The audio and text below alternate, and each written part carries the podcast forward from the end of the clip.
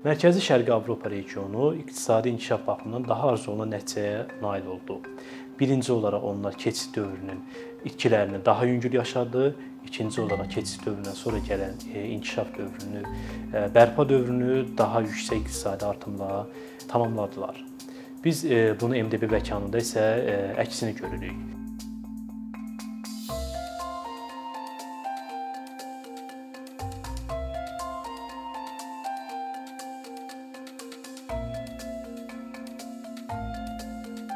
90-cı illərin əvvəllərində, başlanğıcında sosialist iqtisadi sistemi çöküş yaşadı və bu iqtisadi sistemi kapitalist iqtisadi sistem əvəzlədi.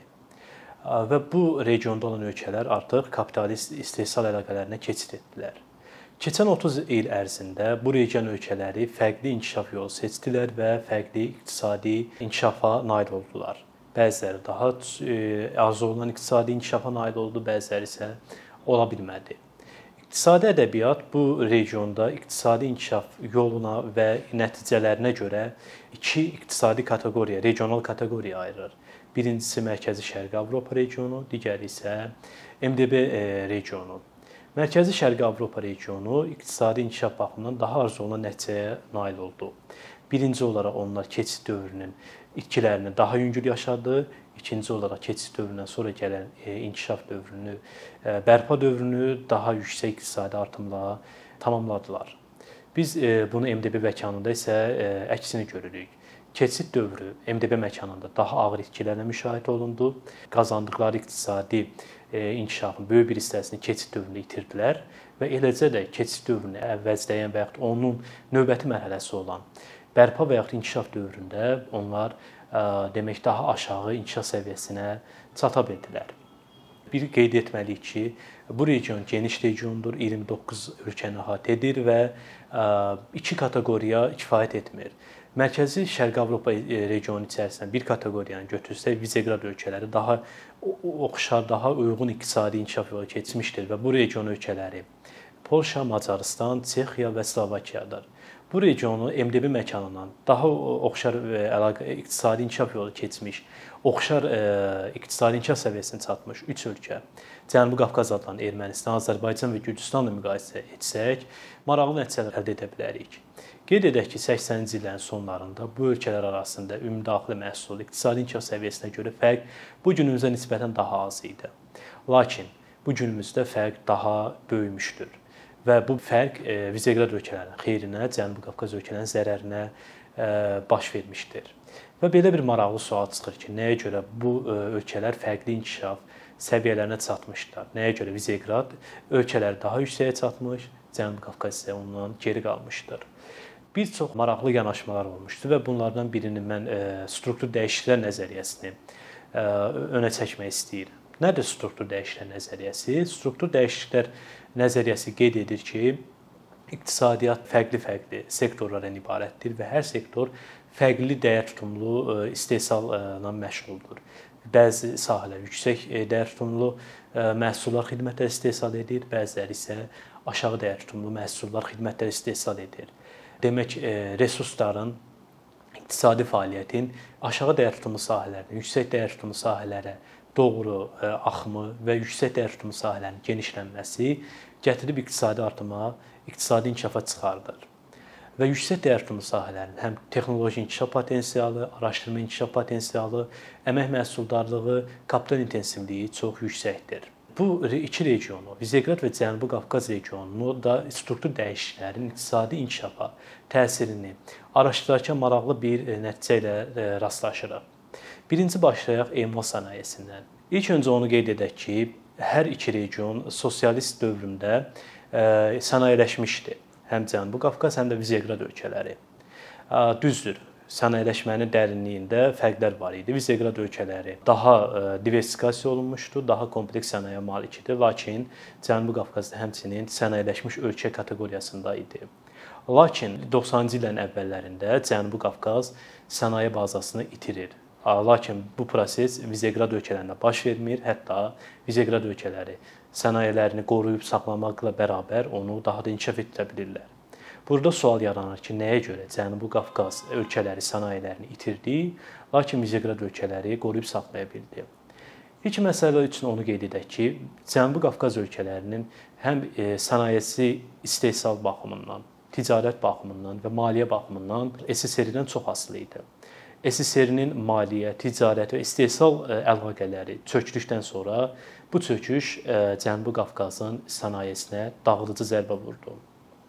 Bundan əlavə olaraq Cənubi Qafqaz ölkələri keçid dövrünə xaos içərisində girdilər həm e, hiperinflyasiya, makroiqtisadi təlatümlər və üzərinə gəl müharibə və vətəndaş müharibəsi səviyyəsində bir vəziyyət. Ölkənin sənayesini qoruyub saxlamaq e, çox kompleks bir məsələdir. Xüsusilə iqtisadi formasiya dəyişirsə. Bunun üçün qabiliyyətli dövlət aparatı lazımdır. Lakin e, qeyd etdiyimiz xaotik vəziyyətdə bu aparat mövcud deyildi Cənubi Qafqaz ölkələrində. Biz bunu Viseqrad ölkələrinə baxdıqda elə ilk öncə onu qeyd edək ki, Viseqrad ölkələri SSR-dən həm qeyd etdiyimiz istehsal, ticarət və maliyyə baxımından daha az e, əlaqədə idi, daha az asılı idi.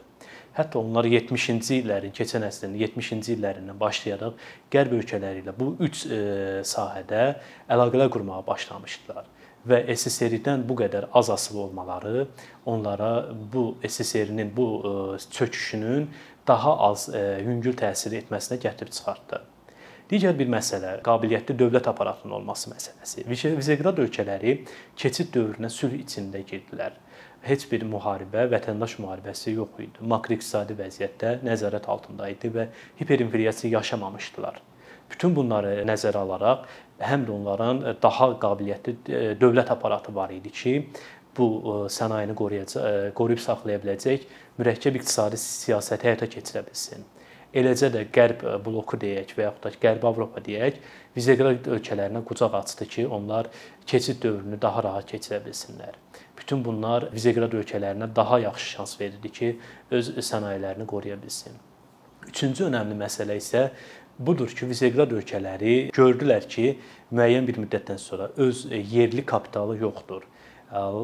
İstər sahibkarlıq baxımından, istər maliyyə baxımından və qərara gəldilər ki, və qərara gəlmək məcburiyyətinə qaldılar ki, bunlar xarici kapitala açılım etməlidirlər ki, sosialist dövründən miras qalan sənayeni inkişaf etdirib dünyada rəqabət qabiliyyətinə çatdıra bilsinlər.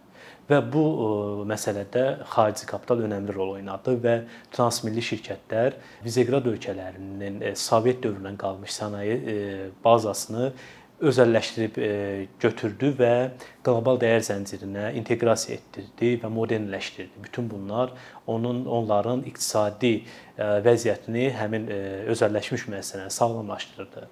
Biz lakin Cənubi Qafqaz regionuna baxdıqda burada hansısa bir xarici kapitala açılım siyasəti olmamışdır və eləcə də regional fərqlilik baxımından Viseqrad Avropada idi, geopolitik baxımdan daha cəlbedici idi xarici kapital üçün.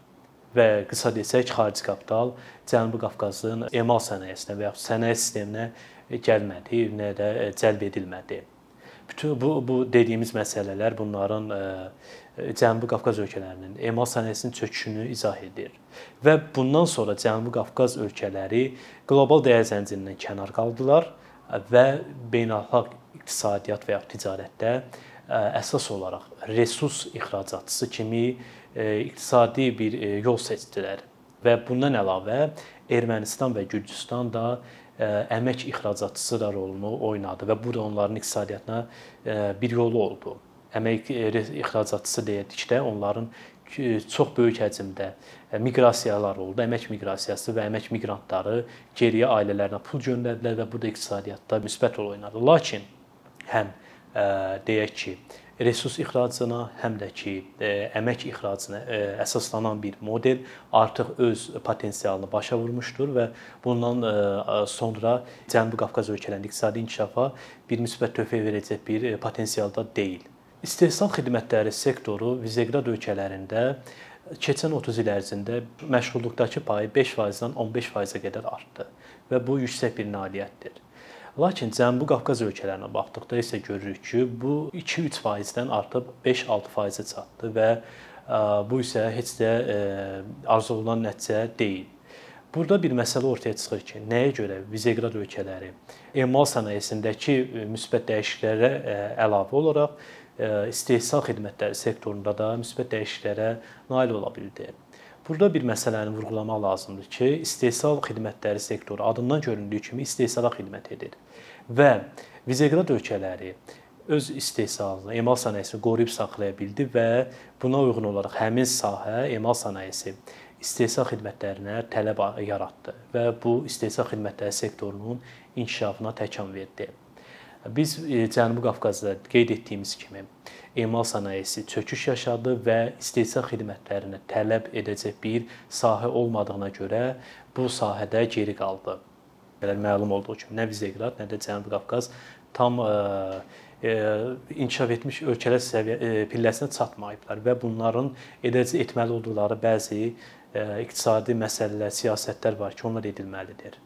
Başlayaq Viseqrad ölkələrindən. Viseqrad ölkələri qeyd etdi ki, emal sənayesini həcmini artırdı, eləcə də istehsal xidmətlərinin həcmini artırdı. Lakin Viseqrad ölkələrinin Avropa istehsal sistemində ixtisaslaşması onları müəyyən bir tələ də demək olarsa tələyə saldı.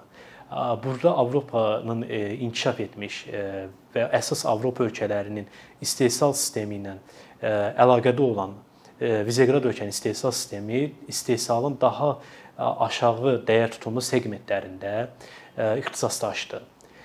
İndiki bir qarşıda duran vəzifə Viseqrad ölkələrinin odur ki, bu aşağı dəyər tutumlu və yaxud orta dəyər tutumlu seqmentdən daha yüksək dəyər tutumlu seqmentə qalxmaqdır və bunun üçün bəzi addımlar atılmalıdır.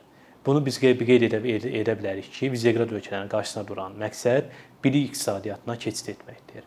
Və bu bilik iqtisadiyyatına keçid tələb edir ki, təhsil sisteminin hər baxımdan keyfiyyətinin və əhatəliliyinin artırılsın, elmi potensial, elmi baza gücləndirilsin və sonda milli innovasiya sistemi işləyib hazırlansın və tətbiq edilsin. Cənubi Qafqaz ölkələri qeyd etdi ki, e, istehsal sistemini istehsal xidmətləri sahələrini inkişaf etdirə bilməyibdir. Qarşılarında duran vəzifə bu sahələri inkişaf etdirməkdir. Viseqrad ölkələri təcrübəsində gördük ki, Viseqrad ölkələri kiçik ölkələr sayılacaq ölkələrdir və bunlar bugünkü qlobal istehsal sistemində tək başına bu sahələri inkişaf etdirə bilmir. Və buna görə də bunlar çalışmalıdır ki, Cənubi Qafqaz ölkələri qlobal dəyər zəncirinə inteqrasiya etsin, əsas olaraq xarici kapitalı cəlb edə bilsin, eləcə də yerli potensialı da inkişaf etdirə bilsin ki, qlobal dəyər zəncirinə inteqrasiya edə bilsin. Bundan əlavə biz yeni bir tendensiya görürük ki, dünya səviyyəsində, qlobal səviyyədə xidmətlər ixracı artır.